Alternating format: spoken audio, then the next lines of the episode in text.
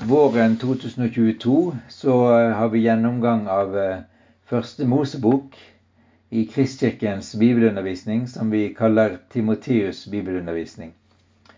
Og nå har vi snakket om og skrevet om Abraham og Sara og Isak.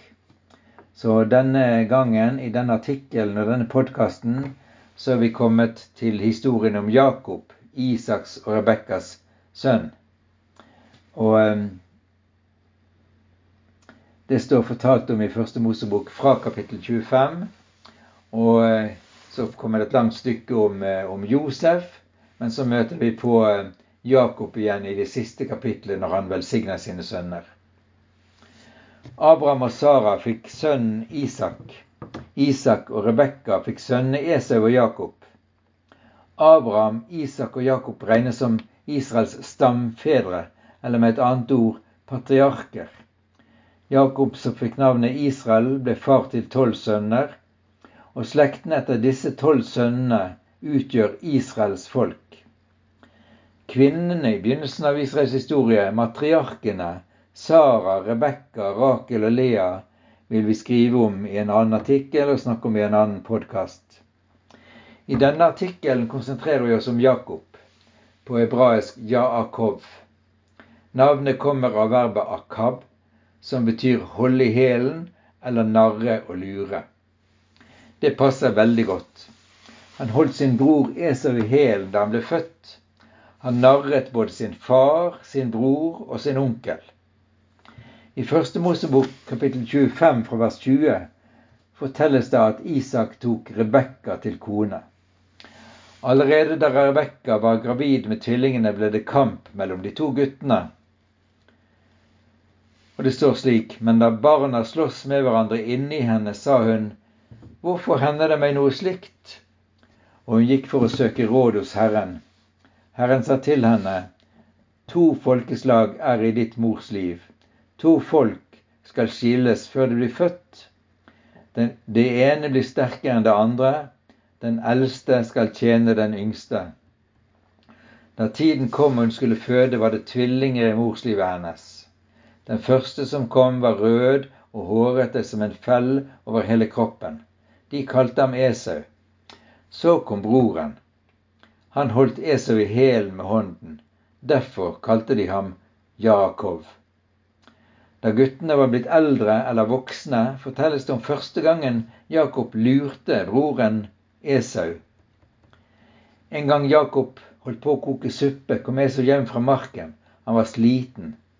Esau sa til Jakob, skynd deg, gi meg noe å spise av det røde, det røde du har der, for jeg er sliten. Derfor kalte de ham Edom. Men Jakob sa, først må du selge meg førstefødselsretten din. Esau svarte, se, jeg holder på å dø, hva skal jeg med førstefødselsretten? Sverg på det først, sa Jakob. Så sverget han og solgte førstefødselsretten sin til Jakob. Da ga Jakob ham brød og linsesuppe. Han spiste og drakk, reiste seg og gikk. Og så kommenteres det her i Bibelen. Slik viste Esau forakt for førstefødselsretten. Brødrenes forhold til hverandre er ikke preget av brors kjærlighet, men av kamp om privilegier. Enda verre blir det når det viser seg at Esau er sin fars yndling, mens Rebekka holder mest av Jakob. Med morens hjelp klarer Jakob å lures til seg farens velsignelse, slik det står fortalt i kapittel 27. Og legg merke til, eh, til språket eller ordene som brukes når, eh, når det blir samtale mellom, eh, ja, mellom, mellom Jakob og moren. Da Isak var blitt gammel og øynene hans var for matte til å kunne se, kalte han til seg Esau, sin eldste sønn, og sa:" Min sønn. Han svarte, Ja, her er jeg. Så sa Isak, Se, jeg er blitt gammel og vet ikke når jeg kommer til å dø. Ta nøyaktutstyret ditt, pilkoggere og buen. Gå ut på marken og skyt noe vilt til meg. Lag noen velsmakende retter, noe jeg liker godt. Kom hit med dem og la meg spise, så jeg kan velsigne deg før jeg dør. Rebekka lyttet mens Isak snakket med Esau, sønnen sin. Så gikk Esau ut på marken for å skyte noe vilt som han kunne ta med seg hjem. Da sa Rebekka til Jakob, sønnen sin, Hør her, jeg hørte at din far snakket med din bror Esau og sa, Hent noe vilt til meg, lag noen velsmakende retter og la meg få spise. Så vil jeg velsigne deg for Herrens ansikt før jeg dør. Hør nå på meg, min sønn, og gjør som jeg sier.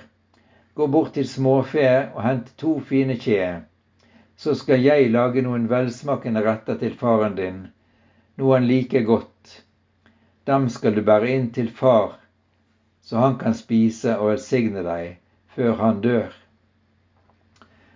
Da sa Jakob til moren, Rebekka, men Esau, broren min, er hårete, mens jeg er glatt. Kanskje far kjenner på meg og finner ut at jeg holder ham for narr, og så fører jeg forbannelse over meg i stedet for velsignelse. Og så svarer Rebekka, den forbannelsen skal jeg ta på meg, sønnen min, sa moren. Bare hør på meg og gå og hent kjeene. Jakob gikk og hentet kjeene og kom til moren med dem. Hun laget noen velsmakende retter, slike som faren likte godt. Rebekka fant fram de beste klærne til Esau, den eldste sønnen, de lå i huset hennes, og kledde opp Jakob, den yngste sønnen. Skinnene av kjeene la hun om hendene og den glatte nakken hans. Så ga hun Jakob, sønnen sin, de velsmakende rettene og brødet hun hadde laget til. Han gikk til faren og sa, Far. Ja, min sønn, sa Isak, hvem er du? Da sa Jakob til faren, Jeg er Esau, din førstefødte sønn. Jeg har gjort det du sa til meg, sett deg opp og spis av viltet mitt, så du kan velsigne meg. Isak sa til sønnen, Hvordan kunne du finne noe så fort, min sønn? Han svarte, Herren din Gud lot det løpe rett imot meg. Så her er det altså løgn på løgn. Da sa Isak til Jakob, Kom hit, min sønn, så jeg kan få kjenne på deg om du er min sønn Esau eller ikke. Jakob gikk bort til faren sin, så han fikk kjenne på ham, og Isak sa, Det er stemmen til Jakob, men hendene til Esau. Isak kjente ham ikke igjen, for hendene hans var hårete som hendene til Esau, broren hans, og han velsignet ham. Så spør Isak, Er du virkelig Esau, sønnen min? Og Jakob svarer, Det er jeg. Da sa Isak, Sett maten framfor meg, jeg vil spise av viltet til sønnen min, så jeg kan velsigne deg. Jakob satte maten framfor ham, og han spiste. Han kom også med vin til ham, og han drakk. Så sa Isak, Kom hit og kyss meg, min sønn. Han gikk fram og kysset ham. Da kjente faren lukten av klærne hans. Han velsignet ham og sa, Kjenn, lukten av min sønn er lik lukten av en eng som Herren har velsignet. Måtte Gud gi deg dugg fra himmelen, fruktbar jord og rikelig av korn og vin. Folk skal, folk skal tjene deg, folkeslag skal bøye seg for deg. Vær herre over dine brødre, din mors sønner skal bøye seg for deg. Forbannet er de som forbanner deg, velsignet er de som velsigner deg. Med det samme Isak hadde velsignet Jakob, han hadde bare så vidt forlatt faren. Kom Esau, broren hans, hjem fra jakten. Også han laget noen velsmakende retter og bar den inn til faren. Far, sa han, vil du ikke stå opp og spise viltet som sønnen din kom med, så du kan velsigne meg? Isak, faren hans, spurte, Hvem er du? Han svarte, Jeg er din førstefødte sønn Esau. Da begynte Isak å skjelve. Han skalv så voldsomt og sa, hvem var det da som kom til meg med noe vilt han hadde skutt? Jeg spiste av det før du kom, og så velsignet jeg ham. Så nå er han velsignet. Da Esau hørte hva faren sa, satt han i et høyt skrik. Så sa han, Velsign meg også, far. Men Isak svarte, Din bror kom med svik og tok velsignelsen din. Da sa Esau, Er det derfor han heter Jakob? Nå har han lurt meg to ganger. Han tok førstefødselsretten min, og nå har han tatt velsignelsen min også. Så sa han, Har du ikke en velsignelse til meg også? Men Isak svarte Esau, Nå har jeg satt ham til herre over deg, og alle brødrene hans har gjort til tjenere for ham. Jeg sørget for korn og ny vin til ham. Hva kan jeg da gjøre for deg, sønnen min? Far, har du bare én velsignelse, sa Esau. Velsign meg også, far. Og Esau gråt høyt. Da sa Isak til ham, Se, langt borte fra fruktbar jord skal du bo, der ingen dugg faller fra himmelen. Av sverd skal du leve, din bror skal du tjene, og når du river deg løs, skal du kaste åket hans av nakken. Dette er en familiehistorie full av svik, løgn, bedrag og konflikt. Slik altså begynnelsen på Israels historie. Det vitner om en familie i krise, og konsekvensene blir sorg, bitterhet og hat. Slik det står vers, fra vers 41 og følgende. Esau la Jakob for hat på grunn av velsignelsen som faren hadde gitt ham. Og Esau sa i sitt hjerte, Snart kommer dagene da vi skal sørge over far. Da skal jeg drepe Jakob, min bror. Rebekka fikk vite hva Esau, den eldste sønnen, hadde sagt. Da sendte hun bud etter Jakob, den yngste sønnen, og sa, Hør, Esau, broren din, vil hevne seg på deg og drepe deg. Hør nå på meg, min sønn. Flykt straks til Laban, min bror, i Haran. Bli hos ham noen dager til raseriet har lagt hos seg hos broren din, til vreden hans har vendt seg fra deg, og han har glemt det du gjorde mot ham. Da skal jeg sende bud og hente deg derfra. Hvorfor skulle jeg miste dere begge på en og samme dag? For Esau må det i tillegg ha vært en smerte at foreldrene ikke likte de kvinnene han hadde tatt som koner. Jakob ble derfor sendt tilbake til morens familie, slik at han kunne finne en kone av sin egen slekt.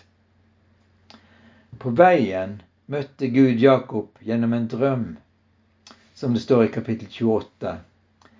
Vi kunne ventet en domstale over Jakob fra Gud, men i stedet hører vi at Gud gir Jakob et løfte. Jakobs svik og løgn er ikke så stort at Gud forandrer på sin plan om å velsigne alle slekter på jorden gjennom Israel.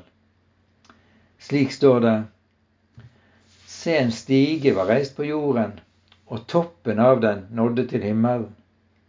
Se, Guds engler gikk opp og gikk ned på den. Da sto Herren foran ham. Han sa, Jeg er Herren, din fars, Abrahams og Isaks Gud. Den jorden du ligger på, vil jeg gi til deg og din ett.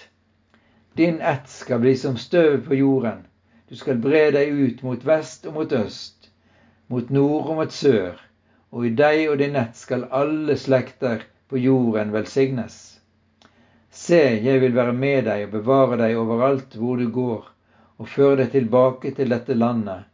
For jeg skal ikke forlate deg, men gjøre det jeg har lovet deg. Da våknet Jakob av søvnen og sa, Sannelig, Herren er på dette stedet. Og jeg visste det ikke.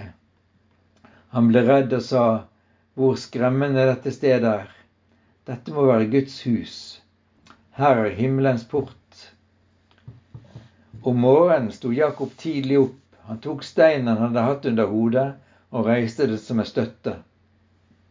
Så helte han olje over den, og han kalte stedet for Betel, som betyr Guds hus. Tidligere het byen Lus så ga Jakob dette løftet.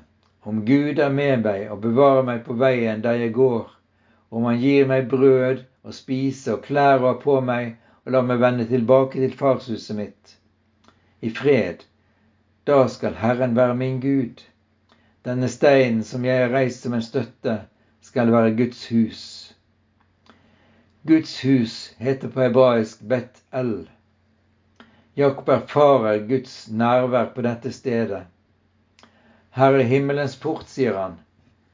Guds hus er dermed ikke først og fremst en bygning, men det stedet der Gud lar oss møte ham, om det er ute i ødemarken, på veien eller ved en stein.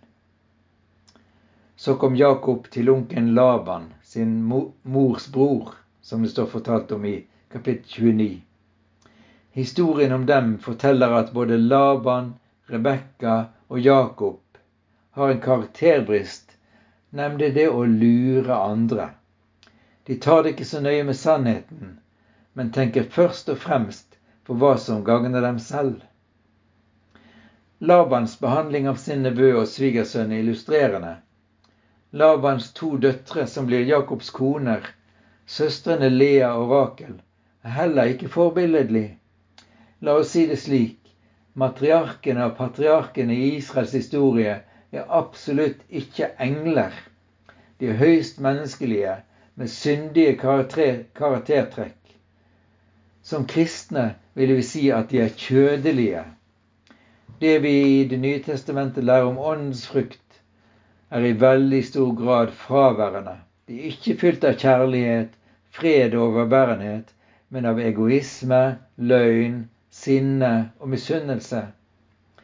Men det var altså slike mennesker Gud brukte, og fortsatt bruker, i frelseshistorien. Etter mange vanskelige år hos onkelen Laban flykter Jakob sammen med konene sine og alle barna. Jakob sier til Rakel og Lea, jeg ser på ansiktet til faren deres at han ikke er den samme mot meg som før. Men min fars Gud har vært med meg kapittel 31, vers 5. Da Jakob og hans familie er på flukt, innser han den uretten han har gjort mot sin bror Esau. Det, det gjør ham veldig redd. Og her starter Jakobs reise inn i et landskap der han lærer ydmykhet. Hos profeten Hosea står det om Jakob at han gråt og ba om nåde. Kapittel 32 er et avsnitt til grundig studium. I utgangspunktet var Jakob ufordragelig, men Gud vil forandre karakteren hans. Jakob ber inderlig til Gud om nåde. Det leder han inn i en svær indre kamp, det vi kaller omvendelse. Vi leser litt. Jakob sendte budbærerne sine foran seg til sin bror Esau i Seirlandet, på marken i Edom, han befalte dem, dette skal dere si til Esau, min herre. Så sier Jakob, din tjener, jeg har holdt til hos Laban og har vært der helt til nå. Nå sender jeg bud og gjør dette kjent for herren min, i håp om at du vil se på meg med velvilje. Budbærerne kom tilbake til Jakob og sa, vi møtte Esau, broren din, og nå kommer han imot deg med 400 mann. Da ble Jakob grepet av redsel og angst. Og så leser vi videre fra vers 9. Så ba Jakob, du er min, du min far Abrahams Gud, du min far Isaks Gud. Herre, du som sa til meg, vend tilbake til landet ditt og slekten din, så skal jeg vise deg godhet. Jeg er ikke verdig all den miskunn og troskap som du har vist din tjener. Berg meg fra min bror Esaus hånd. Jeg er redd for ham. Han kan komme til å slå meg i om, til å slå i hjel meg og mine, både mor og barn. Men du sa at du ville vise godhet mot meg og la min ett bli som havets sand, som ingen kan telle. Og han ble der den natten. Deretter følger mer av Jakobs sjelekamp og bønnekamp. Jakob var alene tilbake, og en mann kjempet med ham helt til det grydde av dag. Da mannen så at han ikke kunne vinne over ham, ga, Jakob, ga han Jakob et slag over hofteskålen, så hoften gikk ut av leddet mens de kjempet. Og han sa, Slipp meg, for morgenen gryr. Men Jakob svarte, Jeg slipper deg ikke uten at du velsigner meg. Hva heter du? spurte mannen. Jakob svarte han. Da sa mannen, du skal ikke lenger hete Jakob. Israel skal være navnet ditt, for du har kjempet med Gud og mennesker og vunnet. Da ba Jakob, si meg navnet ditt. Hans far svarte, hvorfor spør du om navnet mitt? Og han velsignet ham der. Jakob kalte stedet Peniel, for jeg har sett Guds ansikt og enda berget livet. Altså dette navnet Peniel, det betyr Guds ansikt. Jakob kjempet med Gud. Den syndige Jakob møter den hellige Gud. Den syndige Jakob blir en angrende mann. Den hovmodige og egoistiske Jakob er blitt en redd og liten mann. Nå må han kjempe med Gud for å få Guds nåde og tilgivelse. Jakobs omvendelse og ydmyke bønn til Gud forandrer alle ting. Legg merke til dette ordet ansiktet i alle disse avsnittene. Det snakkes om både, om både Labans ansikt og Guds ansikt. Men det er i møtet mellom Jakob og broren Esau at vi virkelig får en anskuelsesundervisning om hva et ansikt forteller, slik det fortelles i kapittel 33. Jakob så opp og fikk øye på Esau, så kom med 400 mann. Der fordelte han barna mellom Lea, Rakel og de to slavekvinnene. Han stilte slavekvinnene og barna deres lengst framme. Lea og barna hennes bak dem, og Rakel med Josef bakerst. Selv gikk han foran dem og bøyde seg sju ganger til jorden, til han kom til broren sin. Men Jesus sprang imot ham og omfavnet ham, kastet seg om halsen på ham og kysset ham, og de gråt. Esau så opp og fikk øye på kvinnen og barna. Da sa han, Hvem er det du har med deg? Jakob svarte, Det er de barna som Gud i sin nåde har gitt din tjener. Esau spurte, Hva ville du med hele den flokken jeg møtte? Og Jakob svarer, Jeg ville at min Herren skulle se på meg med velvilje. Da sa Esau, Jeg har rikelig, bror, behold du det som er ditt Nei, kjære deg, svarte Jakob, ser du på meg med velvilje, så ta imot gaven min. For da jeg så ditt ansikt, var om jeg så Guds eget ansikt, så vennlig var du mot meg.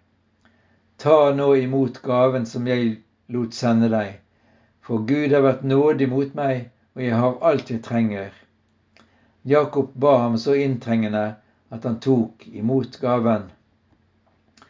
Da sa Esau, la oss bryte opp og dra videre, så skal jeg dra like foran deg. Og så sier Esau, tillat meg å la noen, menn, noen av mennene mine bli igjen hos deg. Men Jakob svarte, hvorfor det? Det er nok at min Herre ser på meg med velvilje. Samme dag snudde Esau om og dro til Seir. Jakob dro til Sukkot, som betyr hytter, løvhytter, og bygde seg et hus der. Han laget løvhytter til budskapen sin, derfor kalte han stedet Sukkot. Jakob kom vel fram til byen Sikhem. Der reiste han et alter og kalte det El Elohe Israel. Gud er Israels Gud. Da jeg så ditt ansikt, var det som å se Guds eget ansikt, sa Jakob og legger til, så vennlig var du mot meg. Litt senere sier han, det er nok at min Herre ser på meg med velvilje. Vi vet hva et mørkt ansikt og mørke øyne, uansett farge, signaliserer. Og vi vet hva et strålende blidt ansikt og blide øyne forteller. Et lite barn forstår det, og voksne skjønner det også. Av og til kan det blide ansiktet, enten det er menneskers eller Guds, være fortjent. Andre ganger kan det være ufortjent, bare av kjærlighet og nåde.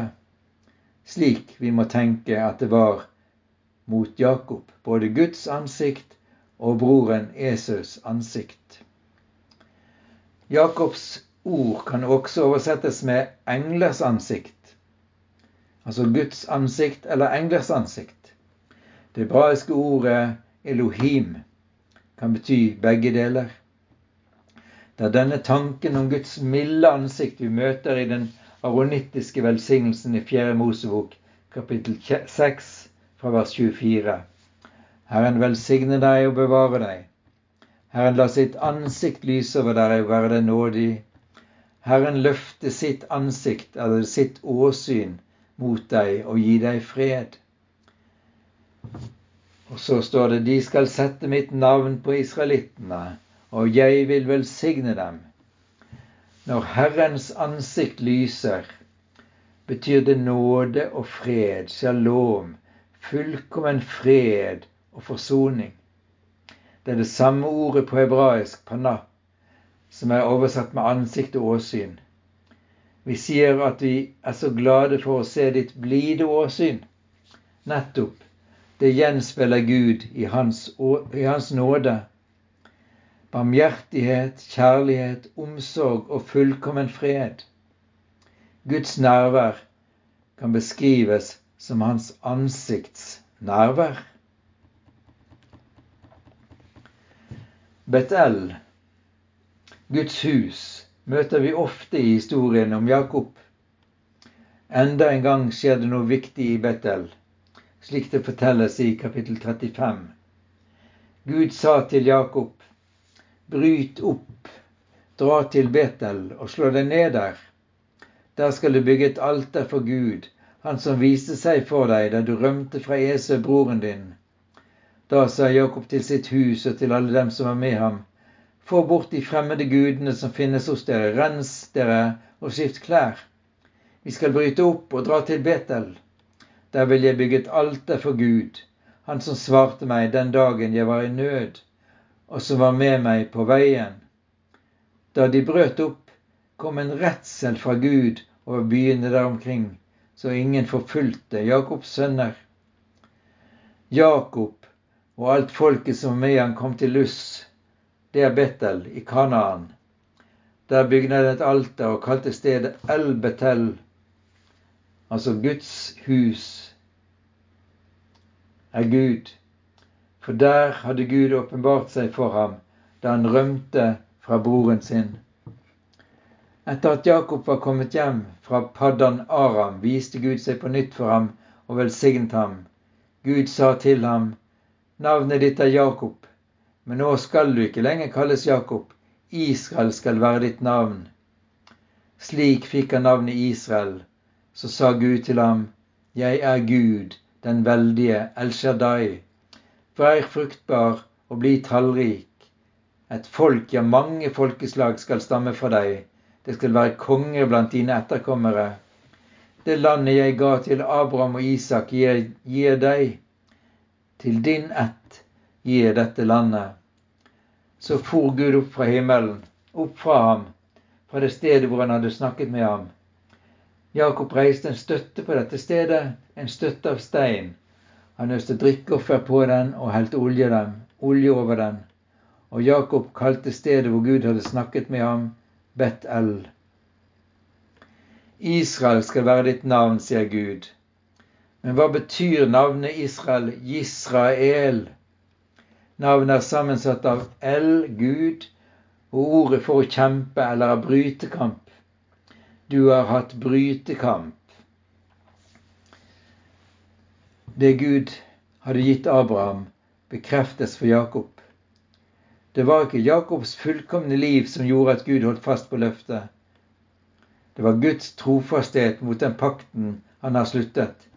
Igjen ser vi betydningen av ordet pakt, beritt på hebraisk. Det er Gud som i sin suverene pakt inngår og holder oppe en pakt. Det er en nådepakt.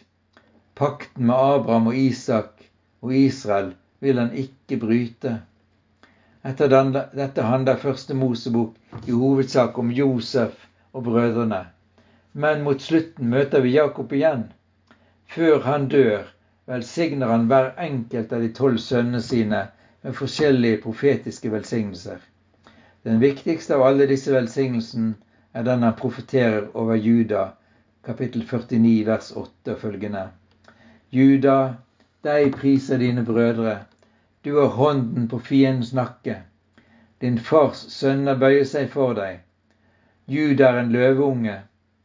Fra byttet reiser du deg opp, min sønn. Han legger seg til ro og strekker seg som en løve, som en løvinne. Hvem vekker ham?